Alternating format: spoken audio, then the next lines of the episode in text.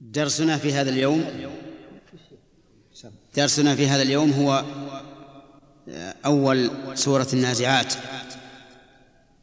قال الله عز وجل بسم الله الرحمن الرحيم والنازعات غرقا والناشطات نشطا والسابحات سبحا فالسابقات سبقا فالمدبرات أمرا. البسملة آية من كتاب الله. مستقلة. لا تتبع السورة التي قبلها ولا, ولا التي بعدها.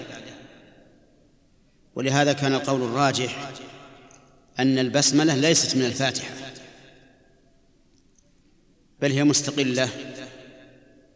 ودليل ذلك حديث أبي هريرة الثابت الثابت في الصحيحين أن الله تعالى قال قسمت الصلاة بيني وبين عبدي نصفين فإذا قال الحمد لله رب العالمين قال الله تعالى حمدني عبدي وذكر تمام الحديث.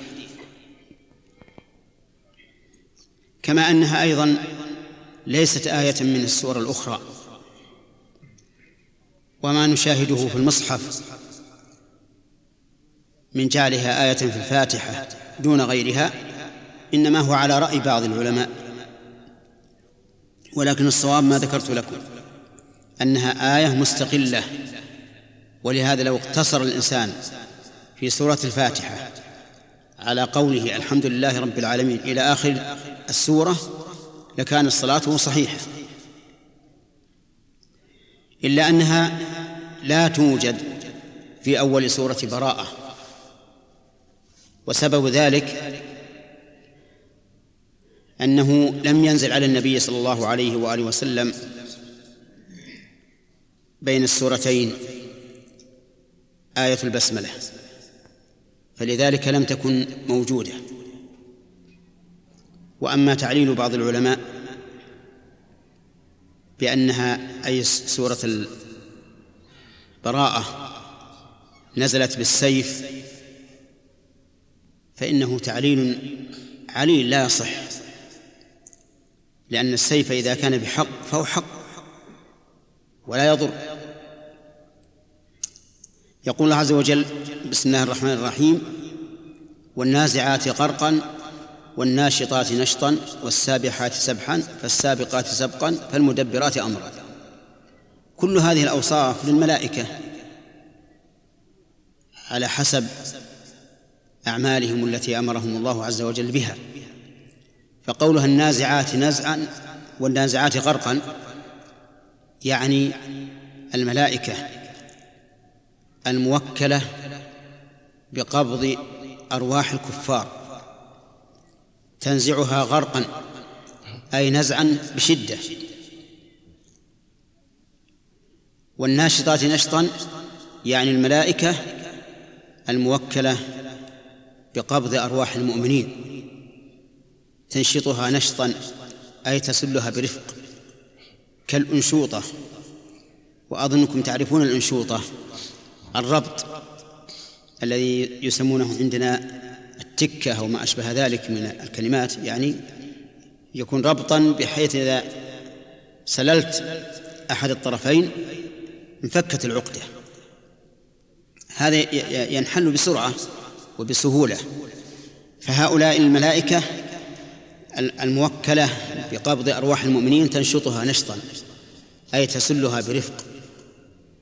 وسبب ذلك أن أن الملائكة الموكلة بقبض أرواح الكفار إذا دعت الروح للخروج تناديها بأقبح الأوصاف. تقول الملائكة لروح الكافر اخرجي أيتها النفس الخبيثة كانت في الجسد الخبيث. اخرجي إلى غضب الله. وما أشبه هذا من الكلام؟ فتنفر. تنفر الروح. لا تريد أن تخرج إلى هذا وتتفرق في الجسد والعياذ بالله. حتى يقبضوها بشدة ينزعوها نزعا.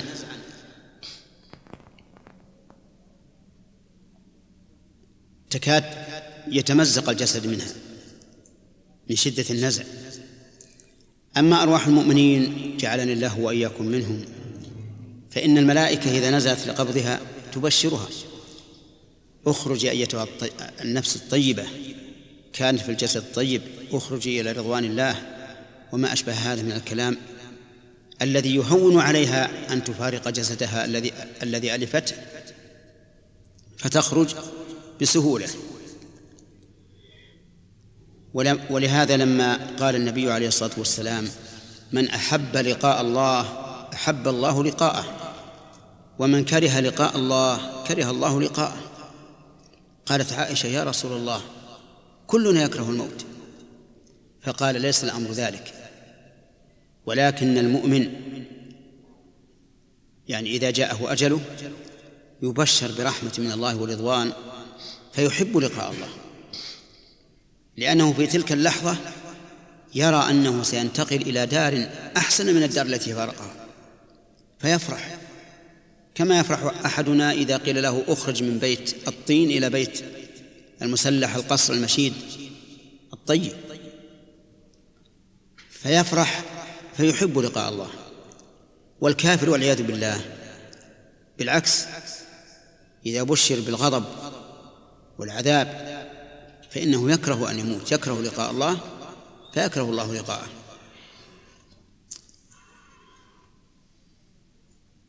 إذن النازعات غرقا هي من؟ الملائكة التي تنزع أرواح الكفار تنزعها بشدة. والناشطات نشطا الملائكة التي تقبض أرواح المؤمنين بسهولة ويسر. والسابقات سبقا أيضا هي الملائكة تسبق إلى أمر الله عز وجل. ولهذا كانت الملائكة أسبق إلى أمر الله وأقوم بأمر الله من بني آدم. قال الله تعالى في وصف ملائكة النار عليها ملائكة غلاظ شداد لا يعصون الله ما أمرهم ويفعلون ما يؤمرون. وقال عز وجل ومن عنده لا يستكبرون عن عبادته ولا يستحسرون يسبحون الليل والنهار لا يفترون. فهم سباقون إلى أمر الله عز وجل بما يأمرهم لا يعصونه ما أمرهم ويفعلون ما يؤمرون لقوتهم وقدرتهم على فعل أوامر الله عز وجل. فالمدبرات أمرا أيضا وصف للملائكة. نعم فالسابحات سبحا يعني أيضا الملائكة تسبح بأمر الله أي تسرع فيه كما يسرع السابح في في الماء. وكما قال تعالى عن الشمس والقمر والليل والنهار كل في فلك يسبحون. فالمعنى أنها تسبح بأمر الله عز وجل على حسب ما أراد الله سبحانه وتعالى. وهم أي الملائكة أقوى من الجن والجن أقوى من البشر. انظر إلى قوله تعالى عن سليمان. يا أيها الملأ أيكم يأتيني بعرشها قبل أن يأتوني مسلمين. قال عفريت من الجن أنا آتيك به قبل أن تقوم من مقامك وإني عليه لقوي أمين. قال الذي عنده علم من الكتاب أنا آتيك به قبل أن يرتد إليك طرفك يعني إذا مدت طرفك ثم رجعت رجعته فقبل أن يرجع إليك آته به. آتيك به. فلما رآه مستقرا عنده في الحال رآه. قال هذا من فضل ربي ليبلوني أشكر أم أكفر. قال العلماء إنه, إنه حملته الملائكة حتى جاءت به إلى سليمان. من, من أين؟ من اليمن وسليمان بالشام. بلحظة. فدل هذا على أن قوة الملائكة أكبر بكثير من قوة الجن وقوة الجن أكثر من بني آدم. لأنه لا يستطيع أحد من بني آدم أن يأتي بعرش ملكة سبع من اليمن إلى الشمال قبل يعني مدة طويلة. الحاصل أن الملائكة تسبح بأمر الله عز وجل بما يأمرها به. فالمدبرات أمرا أيضا وصف للملائكة. تدبر الأمر وهو واحد الأمور. يعني أمور الله عز وجل لها ملائكة تدبرها. ولننظر جبرائيل موكل بالوحي يتلقاه من الله. وينزل به على الرسل. إسرافيل موكل بنفخ الصور الذي يكون عند يوم القيامة. ينفخ في الصور فيفزع الناس ويموتون ثم ينفخ فيه أخرى فيبعثون. وهو أيضا من حملة العرش. ميكائيل موكل بالقطر والنبات بالمطر والنبات. ملك الموت موكل بالأرواح. مالك موكل بالنار. رضوان موكل بالجنة. عن اليمين وعن الشمال قعيد موكل بالأعمال. خلوا الباب مفتوح يعني.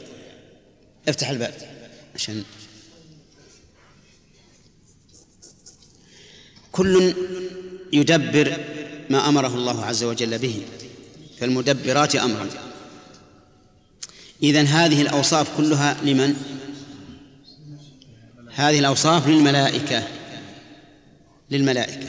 على حسب على حسب أعمالهم. وأقسم الله سبحانه وتعالى للملائكه لأنهم من خير المخلوقات.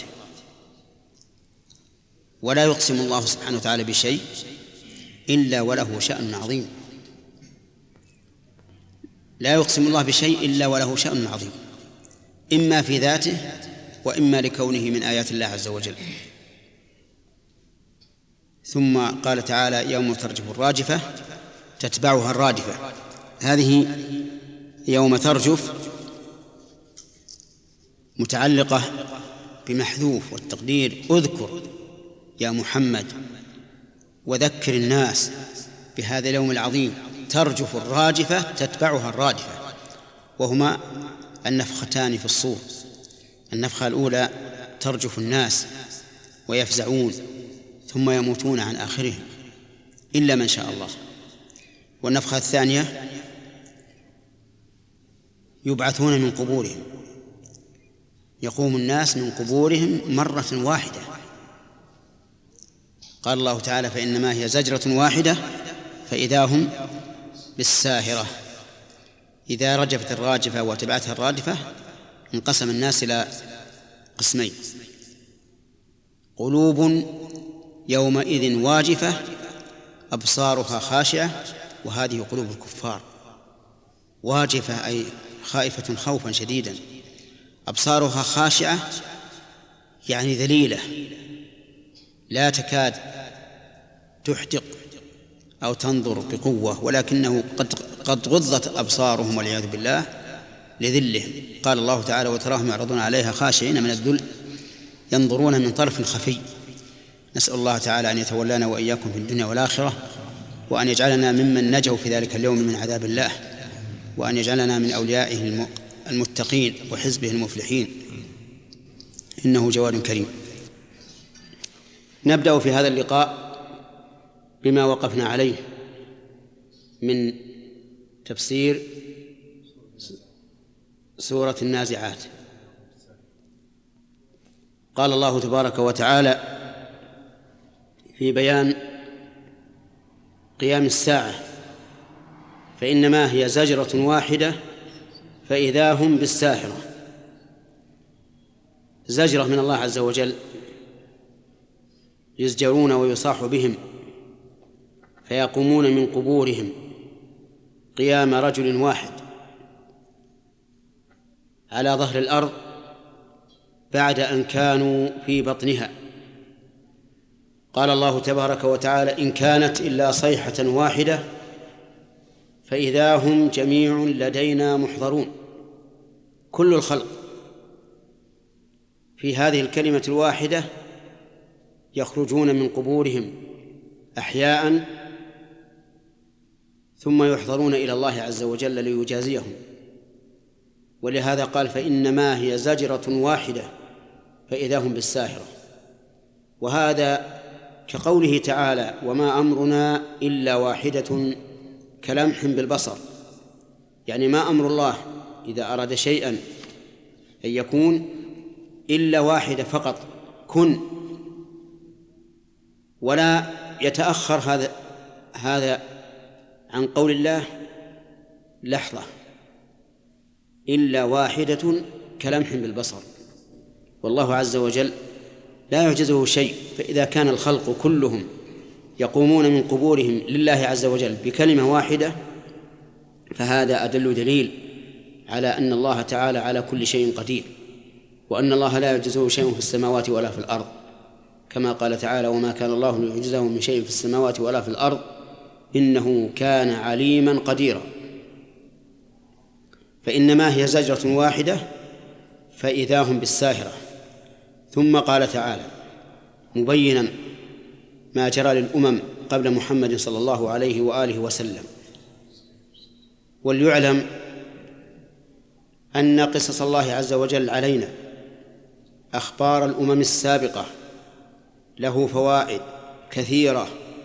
وعبر عظيمة. كما قال تعالى لقد كان في قصصهم عبرة لأولي الألباب. فمن ذلك تسلية الرسول عليه الصلاة والسلام عما أصابه من قومه من الأذى القول والفعل.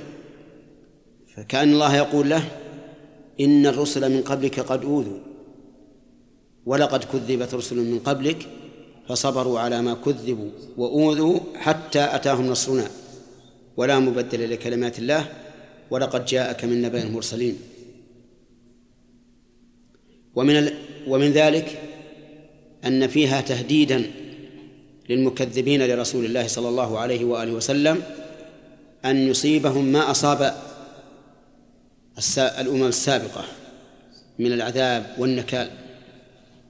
قال الله تبارك وتعالى أفلم يسيروا في الأرض فينظروا كيف كان عاقبة الذين من قبلهم.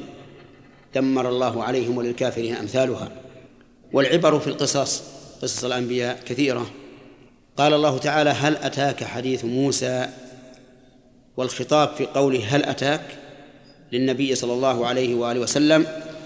أو لكل من يتأتى خطابه ويصح توجيه الخطاب إليه ويكون على المعنى الأول هل أتاك يا محمد؟ وعلى المعنى الثاني هل أتاك أيها الإنسان؟ حديث موسى وهو ابن عمران عليه الصلاة والسلام أفضل أنبياء بني إسرائيل وهو أحد أولي العزم الخمسة الذين هم محمد صلى الله عليه وآله وسلم وإبراهيم وموسى وعيسى ونوح. وقد ذكروا أعني هؤلاء الخمسة في القرآن في موضعين.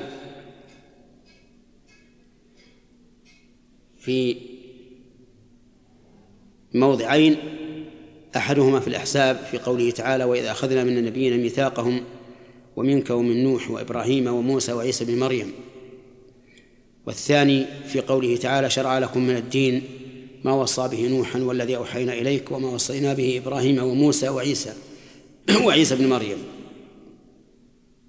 وحديث موسى عليه الصلاة والسلام ذكر في القرآن أكثر من غيره لأن موسى هو نبي اليهود وهم كثيرون في المدينة وحولها في عهد النبي صلى الله عليه وآله وسلم فكانت قصص موسى أكثر ما قص علينا من نبأ الأنبياء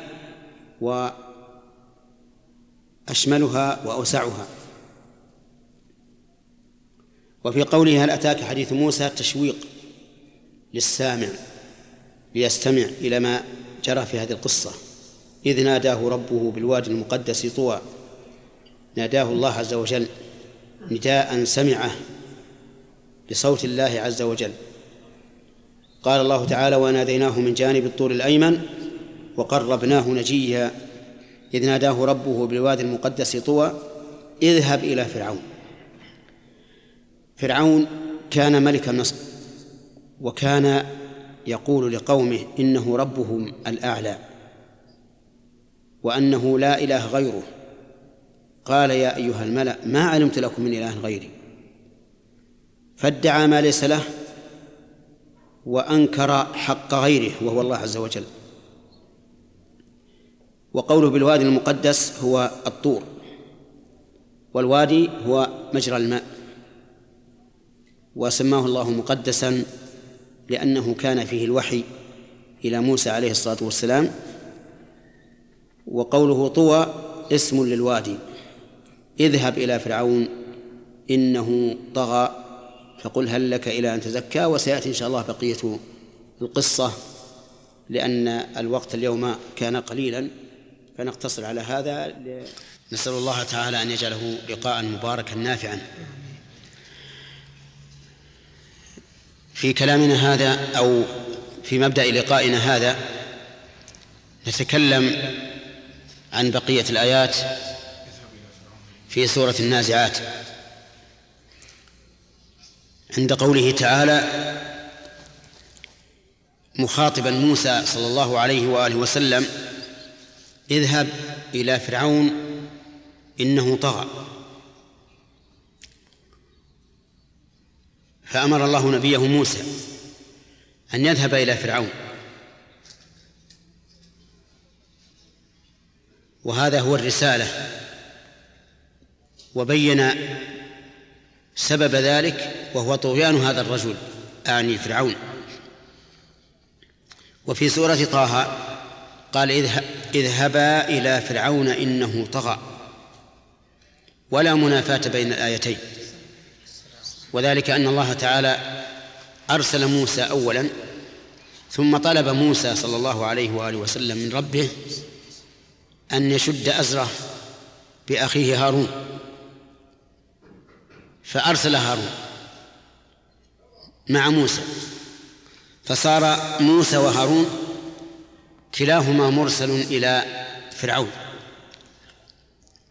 وقوله تعالى إنه طغى أي زاد على حده لأن الطغيان هو الزيادة. ومنه قوله تعالى إنا لما طغى الماء حملناكم في الجارية. طغى أي أي زاد. ومنه الطاغوت لأن فيه مجاوزة الحد. فهنا يقول الله يقول الله عز وجل إنه طغى.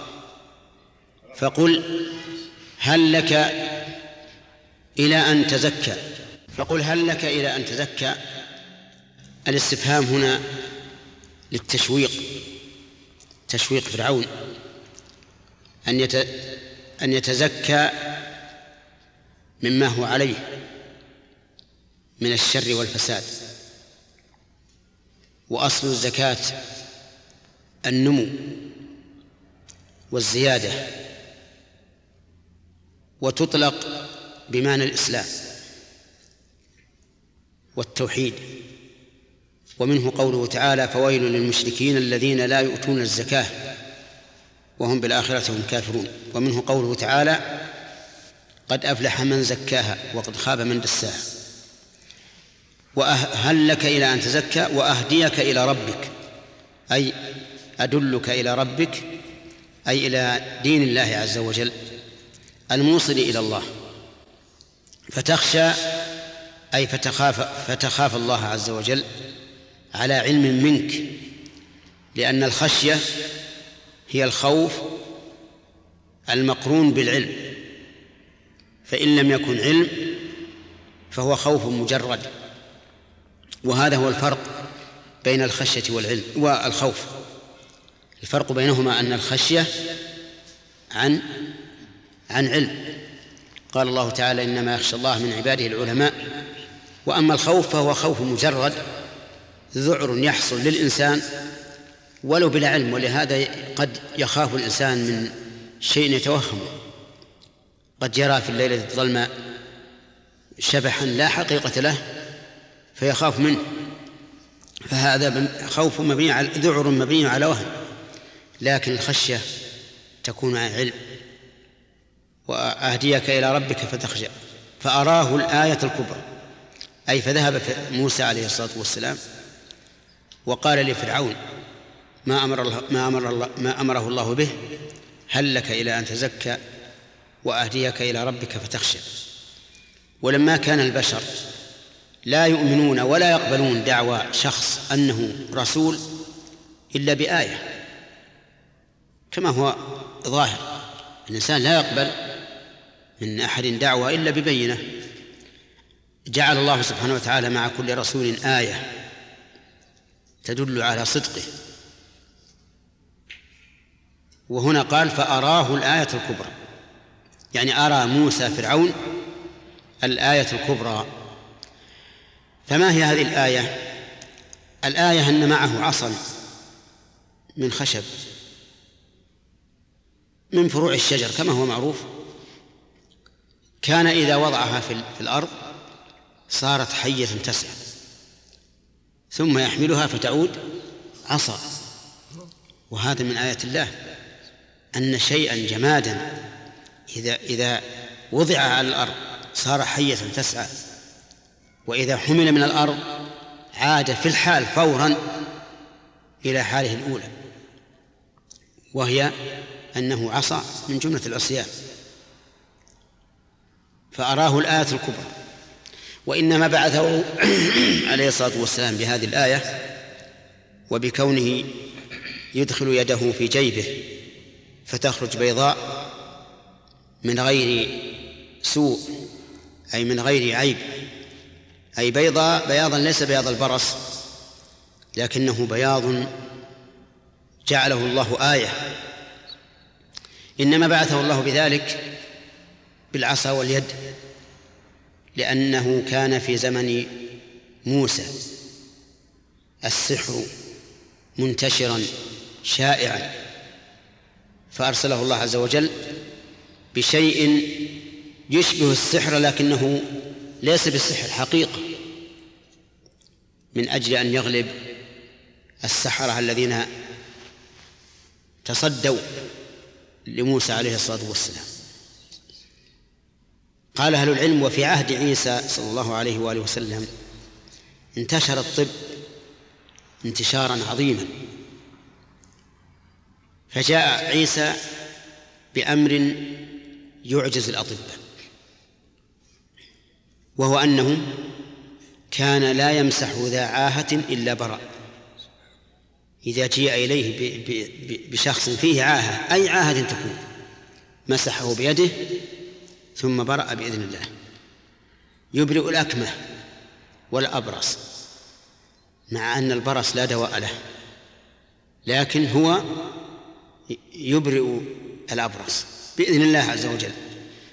يبرئ الأكمة الذي خلق بلا عيون يبرئه. أشد من هذا وأعظم أنه يحيي الموتى بإذن الله. يؤتى إليه بالميت فيتكلم معه ثم تعود إليه الحياة. وأشد من ذلك وأبلغ أنه يخرج الموتى بإذن الله. يخرجهم من أي مكان؟ من قبورهم. يقف على القبر وينادي صاحب القبر فيخرج من القبر. حيا. هذا شيء لا يمكن لأي طب أن يبلغه. ولهذا كانت آية عيسى في هذا الوقت مناسبة تماما لما كان عليه الناس. قال أهل العلم أما رسول الله محمد صلى الله عليه وآله وسلم فقد أتى إلى العرب وهم يتفاخرون في الفصاحة ويرون أن الفصاحة أعظم منقبة للإنسان. فجاء محمد صلى الله عليه وآله وسلم بهذا القرآن العظيم الذي أعجز أمراء الفصاحة وعجزوا عن أن يأتوا بمثله. قال الله تعالى قل لئن اجتمعت الإنس والجن على أن يأتوا بمثل هذا القرآن؟ لا يأتون بمثله ولو كان بعضهم لبعض ظهيرا. يعني ولو كان بعضهم يعاون بعضا فإنهم لن يأتوا بمثله. حينئذ نقول إن موسى عليه الصلاة والسلام أرى فرعون الآية الكبرى ولكن هل انتفع بالآيات؟ لا. وما تغني الآيات والنذر عن قوم لا يؤمنون. إنما تنذر من اتبع الذكر وخشي الرحمن بالغيب. فالذين ليس في قلوبهم استعداد للهداية لا يهتدون. ولو جاءتهم كل آية والعياذ بالله. ولهذا قال فكذب فأراه الآية الكبرى فكذب وعصى. كذب الخبر وعصى الأمر. يعني قال لموسى إنك لست رسولا بل قال إن رسولكم الذي أرسل إليكم لمجنون وعصى الأمر فلم يمتثل أمر موسى ولم ينقد لشرعه ثم أدبر يسعى أدبر أي تولى مدبرا يسعى حثيثا فحشر فنادى حشر الناس أي جمعهم ونادى فيهم بصوت مرتفع ليكون ذلك أبلغ في نهيهم عما يريد منهم موسى عليه الصلاة والسلام. فحشر فنادى فقال أنا ربكم الأعلى والعياذ بالله. قال لقومه أنا ربكم الأعلى. يعني لا أحد فوقي لأن الأعلى هذه اسم تفضيل من العلو. فانظر كيف استكبر هذا الرجل وادعى لنفسه ما ليس له في قوله أنا ربكم الأعلى. وكان يفتخر بالأنهار والملك الواسع يقول لقومه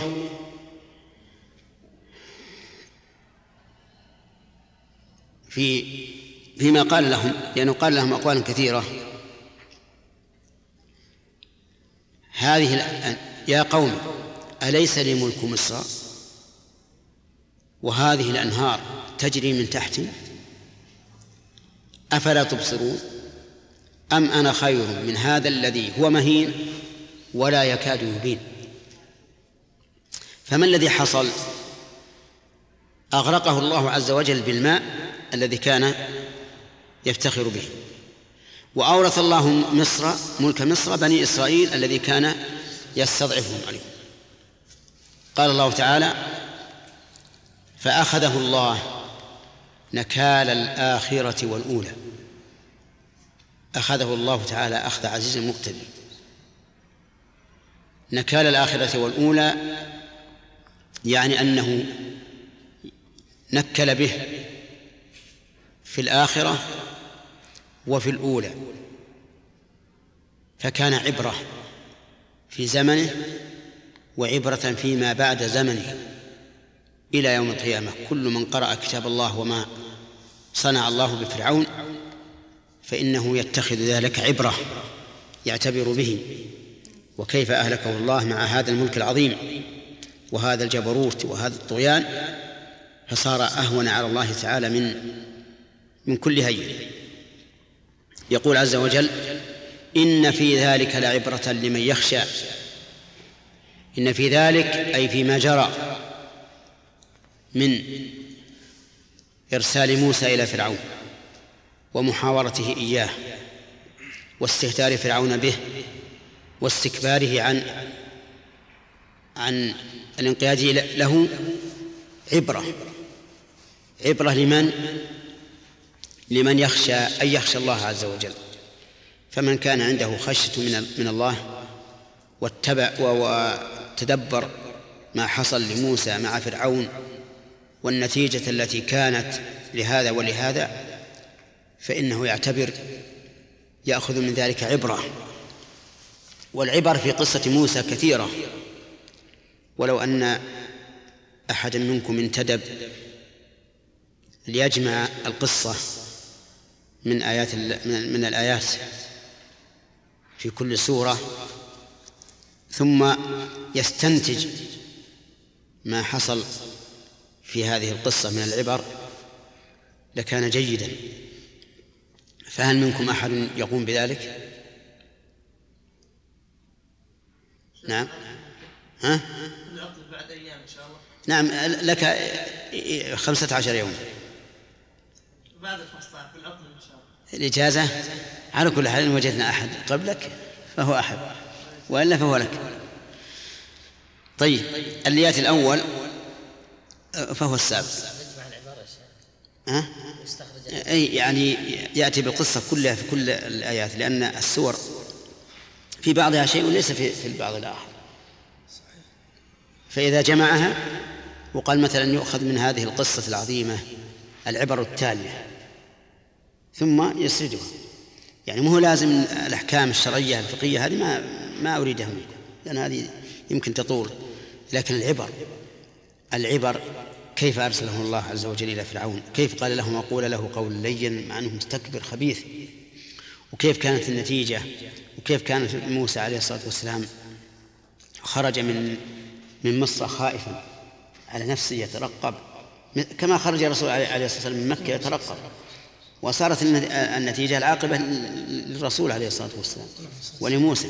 لكن العاقبة للرسول بفعل الرسول وأصحابه. عذب الله أعداءهم بأيديهم. وعاقب موسى بفعل الله عز وجل. يعني يجيب الإنسان عبر من هذا. ما ما أريد أحكام فقهية. لا أريد عبر يعتبر بها الإنسان. يصلح بها نفسه وقلبه. حتى يتبين الأمر. على كل حال ذكر كلام العلماء طيب لأن كلام العلماء يستعانوا به عليكم السلام يستعانوا به على على فهم المعنى والقضية عليكم السلام. ونقف على على قوله تعالى أأنتم أشد خلقا أم السماء؟ وأظن تكلمنا عليها لكن لا مانع على كل حال طيب. نعم التكرار لا بأس به. إذا كان فيه فائدة وإلى هنا ينتهي هذه تنتهي هذه الكلمات التي أجعل التي أسأل الله عز وجل أن يجعلها خالصة لله ونافعة لنا جميعا. مقرر في كل يوم خميس نسأل الله سبحانه وتعالى أن يجعلها لقاءات مباركة.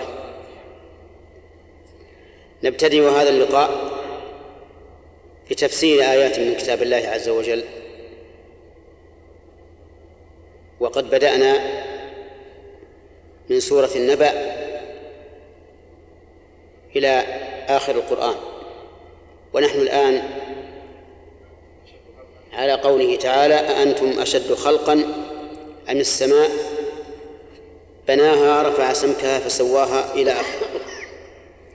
يخاطب الله سبحانه وتعالى عباده يقول أأنتم أشد خلقا أم السماء؟ وأراد بهذا الاستفهام تقرير إمكان البعث. لأن المشركين كذبوا النبي صلى الله عليه وآله وسلم بالبعث وقالوا من يحيي العظام وهي رميم؟ فيقول الله عز وجل أأنتم أشد خلقا أم السماء؟ الجواب معلوم لكل أحد أنه السماء. كما قال تعالى لخلق السماوات والأرض أكبر من خلق الناس ولكن أكثر الناس لا يعلمون. بناها هذه الجملة لا تتعلق بالتي قبلها ولهذا ينبغي للقارئ إذا قرأ أن يقف على قوله أم السماء ثم يستأنف فيقول بناها. فالجملة استئنافية لبيان عظمة السماء. بناها أي بناها الله عز وجل وقد بين الله سبحانه وتعالى في آية أخرى في سورة قاف أنه بناها بقوة. في سورة الذاريات أنه بناها بقوة فقال والسماء بنيناها بأيد أي بقوة وإنا لموسعون. رفع سمكها فسواها. رفعه يعني عن الأرض ورفعه عز وجل بغير عمد كما قال تعالى الله الذي رفع السماوات بغير عمد ترونها. فسواها أي جعلها مستوية وجعلها تامة كاملة. كما قال تعالى في خلق الإنسان يا أيها الإنسان ما غرك بربك الكريم الذي خلقك فسواك أي جعلك سويا تام الخلقة فالسماء كذلك. سواها الله عز وجل. أغطش ليلها وأخرج ضحاها. أغطشه أي أظلمه. فالليل مظلم. قال الله تعالى وجعلنا الليل والنهار آيتين فمحونا آية الليل. وجعلنا آية النهار مبصرة. وأخرج ضحاها بينه بالشمس التي تخرج كل يوم من مطلعها وتغيب في مغربها. والأرض بعد ذلك دحاها. أخرج منها ماءها ومرعاها والجبال أرساها متاعا لكم ولأنعامكم. الأرض بعد ذلك أي بعد خلق السماوات والأرض. دحاها. وبين هذا الدحو بقوله أخرج منها ماءها ومرعاها والجبال أرساها. وكانت الأرض مخلوقة قبل السماء. كما قال الله تعالى قل أئنكم لتكفرون بالذي خلق الأرض في يومين وتجعلون له أندادا ذلك رب العالمين وجعل فيها رواسي من فوقها وبارك فيها وقدر فيها أقواتها في أربعة أيام سواء للسائلين ثم استوى إلى السماء وهي دخان فقال لها والأرض ائتيا طوعا أو كرها قالتا أتينا طائعين فقضاهن سبع سماوات في يومين. فالأرض مخلوقة من قبل السماء لكن دحوها وإخراج الماء منها. والمرعى كان بعد خلق السماوات. أخرج منها ماءها ومرعاها والجبال أرساها. أي جعلها راسية في الأرض تمسك الأرض لئلا تضطرب بالخلق. متاعا لكم ولأنعامكم. أي جعل الله تعالى ذلك متاعا لنا نتمتع به فيما نأكل ونشرب. ولأنعامنا أي مواشينا من الإبل والبقر والغنم وغيرها. ولما ذكر الله عز وجل عباده بهذه النعم الدالة على كمال قدرته ذكرهم بمآلهم الحتمي الذي لا بد منه.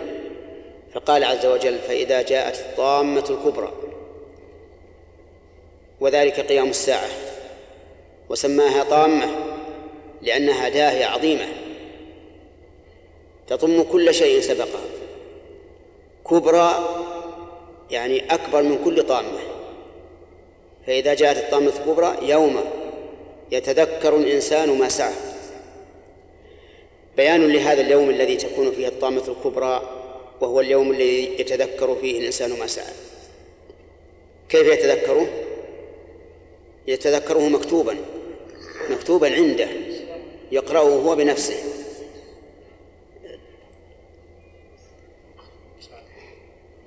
يقرأه هو بنفسه.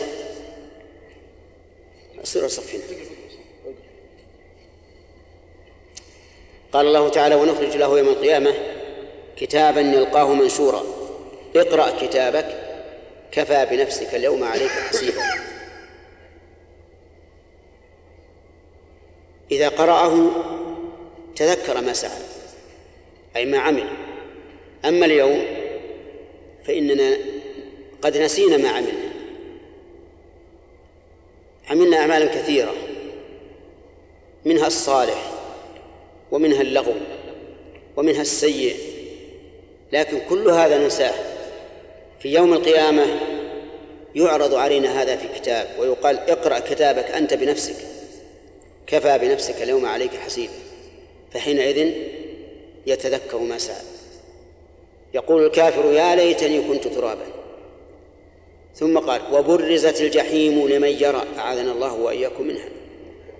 برزت أظهرت. تجيء تقاد بسبعين ألف زمام كل زمام فيه سبعون ألف ملك يقودونها. إذا ألقي منها الظالمون مكانا ضيقا مقرنين دعوا هنالك ثبورا تأتي والعياذ بالله لمن يرى ويبصر فتنخلع القلوب ويشيب المولود. ولهذا قال فأما من طغى وآثر الحياة الدنيا فإن الجحيم هي المأوى. هذان الوصفان هما وصفان أهل النار. الطغيان وهو مجاوزة الحد وإيثار الدنيا على الآخرة بتقديمها على الآخرة وكونها أكبر هم الإنسان.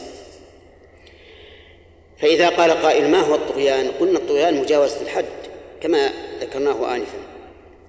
مجاوزة الحد بماذا؟ ما هو حد الإنسان؟ حد الإنسان مذكور في قوله تعالى وما خلقت الجن والإنس إلا ليعبدون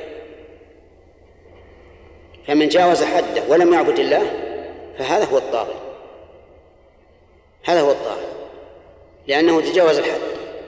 أنت مخلوق لا لتأكل وتتنعم وتتمتع كما يتمتع الأنعام. أنت مخلوق لعبادة الله. فاعبد الله عز وجل. أعبد الله. فإن لم تفعل فقد, فقد طغيت. هذا هو الطغيان. ألا يقوم الإنسان بعبادة الله. وقوله آثر الحياة الدنيا هما متلازمان فإن الطاغي عن عبادة الله مؤثر للحياة الدنيا. مؤثر للحياة الدنيا. لأنه يتعلل بها عن طاعة الله يتلهى بها عن طاعة الله. إذا أذن الفجر آثر النوم على الصلاة. إذا قيل له اذكر الله آثر اللغو على على ذكر الله وهكذا. وقوله فإن الجحيم هي المأوى أي هي مأواه. والمأوى هو المرجع والمقر وبئس المقر مقر جهنم أعاذنا الله وإياكم منها. وأما من خاف مقام ربه يعني خاف القيام بين يديه لأن الإنسان يوم القيامة سوف يقرره الله عز وجل بذنوبه ويقول عملت كذا عملت كذا عملت كذا كما جاء في الحديث الصحيح. فإذا أقر قال الله له قد سترتها عليك في الدنيا وأنا أغفرها لك اليوم. قد سترتها عليك في الدنيا وأنا أغفرها لك اليوم. هذا الذي خاف هذا المقام ونهى النفس عن الهوى أي عن هواها. والنفس أمارة بالسوء. لا تأمر إلا بالشر. ولكن هناك نفس أخرى تقابلها وهي النفس المطمئنة. لأن للإنسان ثلاثة ثلاثة ثلاثة نفوس. مطمئنة وأمارة ولوامة. وكل وكلها في القرآن. أما المطمئنة ففي قوله تعالى يا أيتها النفس المطمئنة ارجعي إلى ربك راضية مرضية فادخلي في عبادي وادخلي جنتي. وأما الأمارة بالسوء ففي قوله تعالى وما أبرئ نفسي إن النفس لأمارة بالسوء إلا ما رحم ربي. وأما اللوامة ففي قوله تعالى لا أقسم بيوم القيامة ولا أقسم بالنفس اللوامة. والإنسان يحس بنفسه بهذه الأنفس يرى فيه في نفسه أحيانا نزعة خير يحب الخير يفعله. هذه هي النفس المطمئنة. يرى أحيانا في نفسه نزعة شر. يفعله. هذه نفس أمارة بالسوء. تأتي بعد ذلك النفس اللوامة التي تلومه على ما فعل فتجده يندم على ما فعل من المعصية. أو لوامة أخرى تلومه على ما فعل من الخير والعياذ بالله. فإن من الناس من قد يلوم نفسه على على فعل الخير وعلى مصاحبة أهل الخير ويقول كيف أصاحب هؤلاء الذين صدوني عن عن حياتي عن شهواتي عن لهوي وما أشبه ذلك؟ فاللوامة نفس تلوم الأمارة بالسوء مرة وتلوم المطمئنة مرة أخرى. فهي في الحقيقة نفس بين نفسين. تلوم النفس الأمارة بالسوء إذا فعلت السوء وتندم الإنسان. قد تلوم النفس المطمئنة إذا فعلت الخير. نسأل الله العافية. يقول الله عز وجل ونهى النفس عن الهوى فإن الجنة هي المأوى. الجنة هي دار النعيم التي أعدها الله عز وجل لأوليائه. فيها ما لا عين رأت ولا أذن سمعت ولا خطر على قلب بشر. قال الله تعالى فلا تعلم نفس ما أخفي لهم من قرة أعين. هكذا جاء في القرآن وجاء في الحديث القدسي أعددت لعباد الصالحين ما لا عين رأت ولا أذن سمعت ولا خطر على قلب بشر. هذه الجنة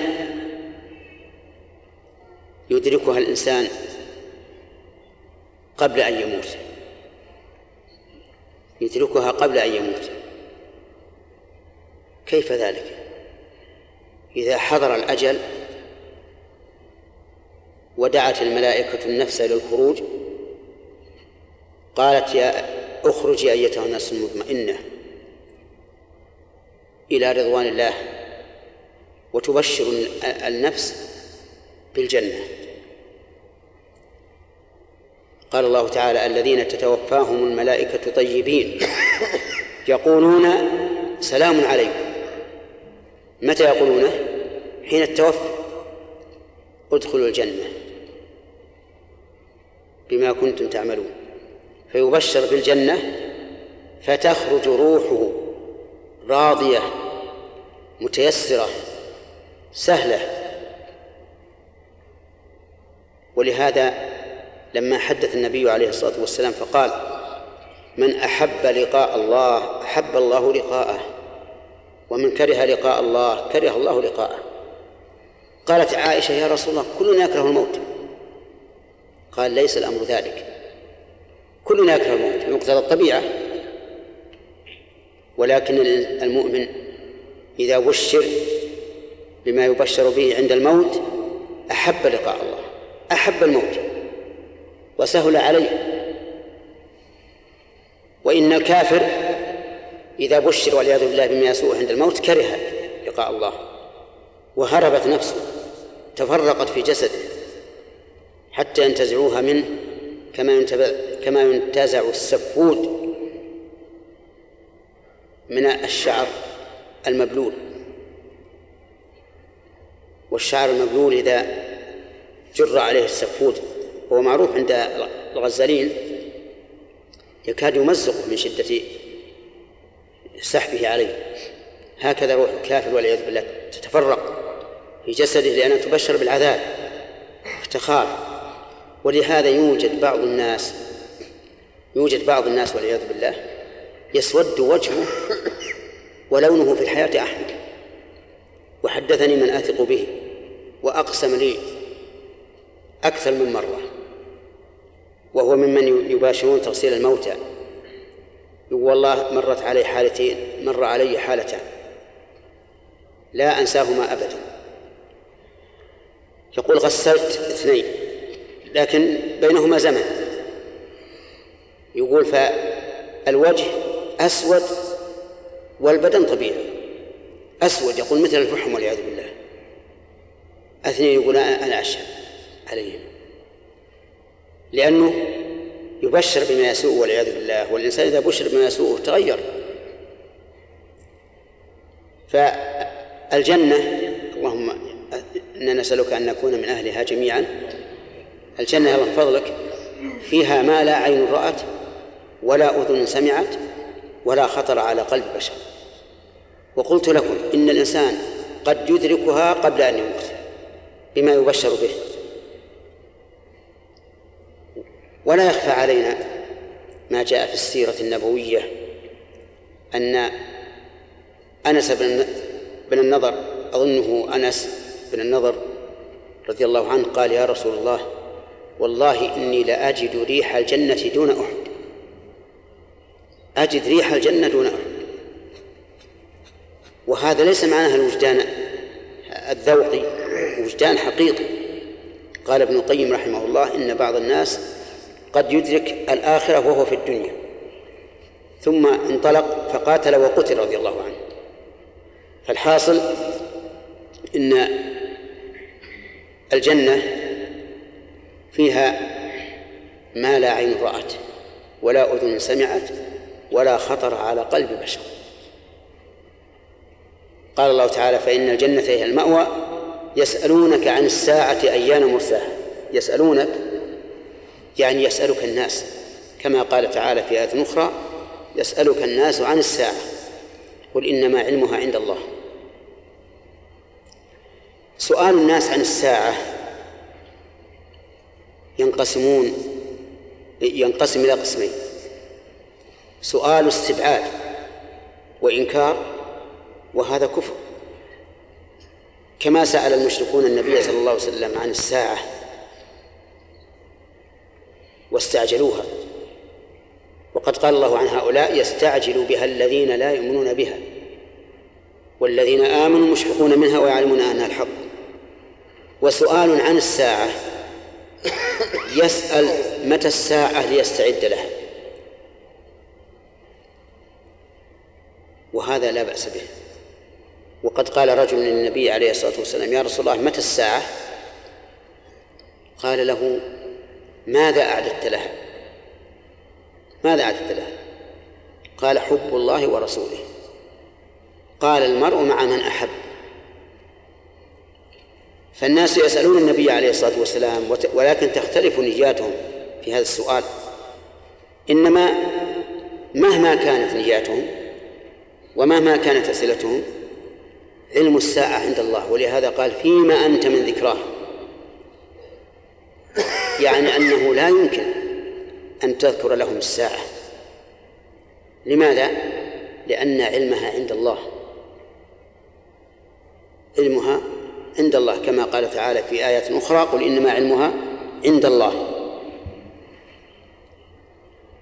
وقد سأل جبريل وهو أعلم الرسل.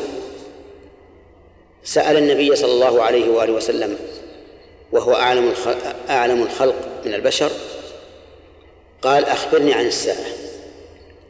فقال له النبي صلى الله عليه وآله وسلم ما المسؤول عنها؟ بأعلم من السائل يعني أن إذا كانت خافة عليك فأنا خافة عليك. وإذا كان أعلم الملائكة وأعلم البشر لا يعلمان متى الساعة فما بالك بمن دونهم؟ بمن دونهما. وبهذا نعرف أن ما يشيعه بعض الناس من أن الساعة تكون في كذا وفي كذا وفي في زمن معين كله كذب. نعلم أنهم كذبت في ذلك. لأنهم لا يعلمون متى الساعة ما لا يعلمها إلا الله عز وجل. إنما أنت منذر من يخشاه. يعني ليس عندك علم منها ولكنك منذر. منذر من يخشاها أي يخافها وهم المؤمنون. أما من أنكرها واستبعدها وكذبها فإن الإنذار لا ينفع فيه وما تغني الآيات والنذر عن قوم لا يؤمنون. ولهذا نقول أنت لا تسأل متى تموت. يرحمك الله. ولا أين تموت. لأن هذا أمر لا يحتاج إلى السؤال. أمر مفروغ منه. ولا بد أن يكون ومهما طالت بك الدنيا فكأنما بقيت يوما واحدا. بل كما قال تعالى هنا كأنهم يوم يرونها لم يلبثوا إلا عشية أو ضحاها. ولكن السؤال الذي يجب أن يرد على النفس ويجب أن يكون لديك جواب عليه هو على أي حال تموت وأريد بقولي على أي حال ليس أريد لست أريد. هل أنت غني أو فقير أو قوي أو ضعيف أو ذو عيال أو عقيم؟ لا. على أي حال تموت في العمل؟ هذه النقطة. فإذا كنت تسائل نفسك هذا السؤال فلا بد أن تستعد. لا بد أن تستعد. لأنك لا تدري متى يفجأك الموت. كم من إنسان خرج يقود سيارته ورجع به محمولا على الأكتاف. وكم من إنسان خرج من أهله يقول هيئوا لي الطعام الغداء أو العشاء ولكن لم يأكله وكم من إنسان لبس قميصه وزر أزرته ولم يفكها إلا الغاسل يغسله. هذا أمر مشاهد بحوادث بغتة. أي حال يكون أن تنظر الآن وفكر على أي حال تموت. نسأل الله أن يرزقنا وإياكم التوبة والإنابة. ولهذا ينبغي لك أن تكثر من الاستغفار. أكثر من الاستغفار ما استطعت. فإن الاستغفار فيه من كل هم فرج. ومن كل ضيق مخرج. حتى إن بعض العلماء يقول إذا استفتاك شخص فاستغفر الله قبل أن تفتيه. لأن الذنوب تحول بين الإنسان وبين الهدى. واستنبط ذلك من قول الله تبارك وتعالى إنا أنزلنا إليك الكتاب بالحق لتحكم بين الناس بما أراك الله ولا تكن للخائنين خصيما واستغفر الله. لتحكم واستغفر الله. إن الله كان غفورا رحيما. وهذا استنباط جيد. ويمكن أيضا أن يستنبط من قوله تعالى والذين اهتدوا زادهم هدى وآتاهم تقواهم. والاستغفار من الهدى. لذلك أوصي نفسي وإياكم بالمراقبة وكثرة الاستغفار ومحاسبة النفس حتى نكون على أهبة الاستعداد لما نخشى أن يفجأنا من الموت. نسأل الله أن يحسن لنا ولكم الخاتمة. قال الله تعالى كأنهم يوم يرونها أي يرون القيامة لم يلبثوا إلا عشية أو ضحاها. العشية من الزوال إلى غروب الشمس والضحى من طلوع الشمس إلى زوال الشمس. يعني كأنهم لم يلبثوا إلا نصف يوم. وهذا هو الواقع. لو سألتكم الآن كيف ما مضى من السنوات عليكم؟ هل تشعرون الآن بأنه سنوات أو كأنه يوم واحد؟ نعم. كأنه يوم واحد. لا شك. لا شك أنه كأنه يوم واحد. والإنسان الآن بين ثلاث بين ثلاث أشياء. يوم مضى فهذا قد فاته. ويوم مستقبل لا يدري أيدركه أو لا يدركه. ووقت حاضر هو المسؤول عنه.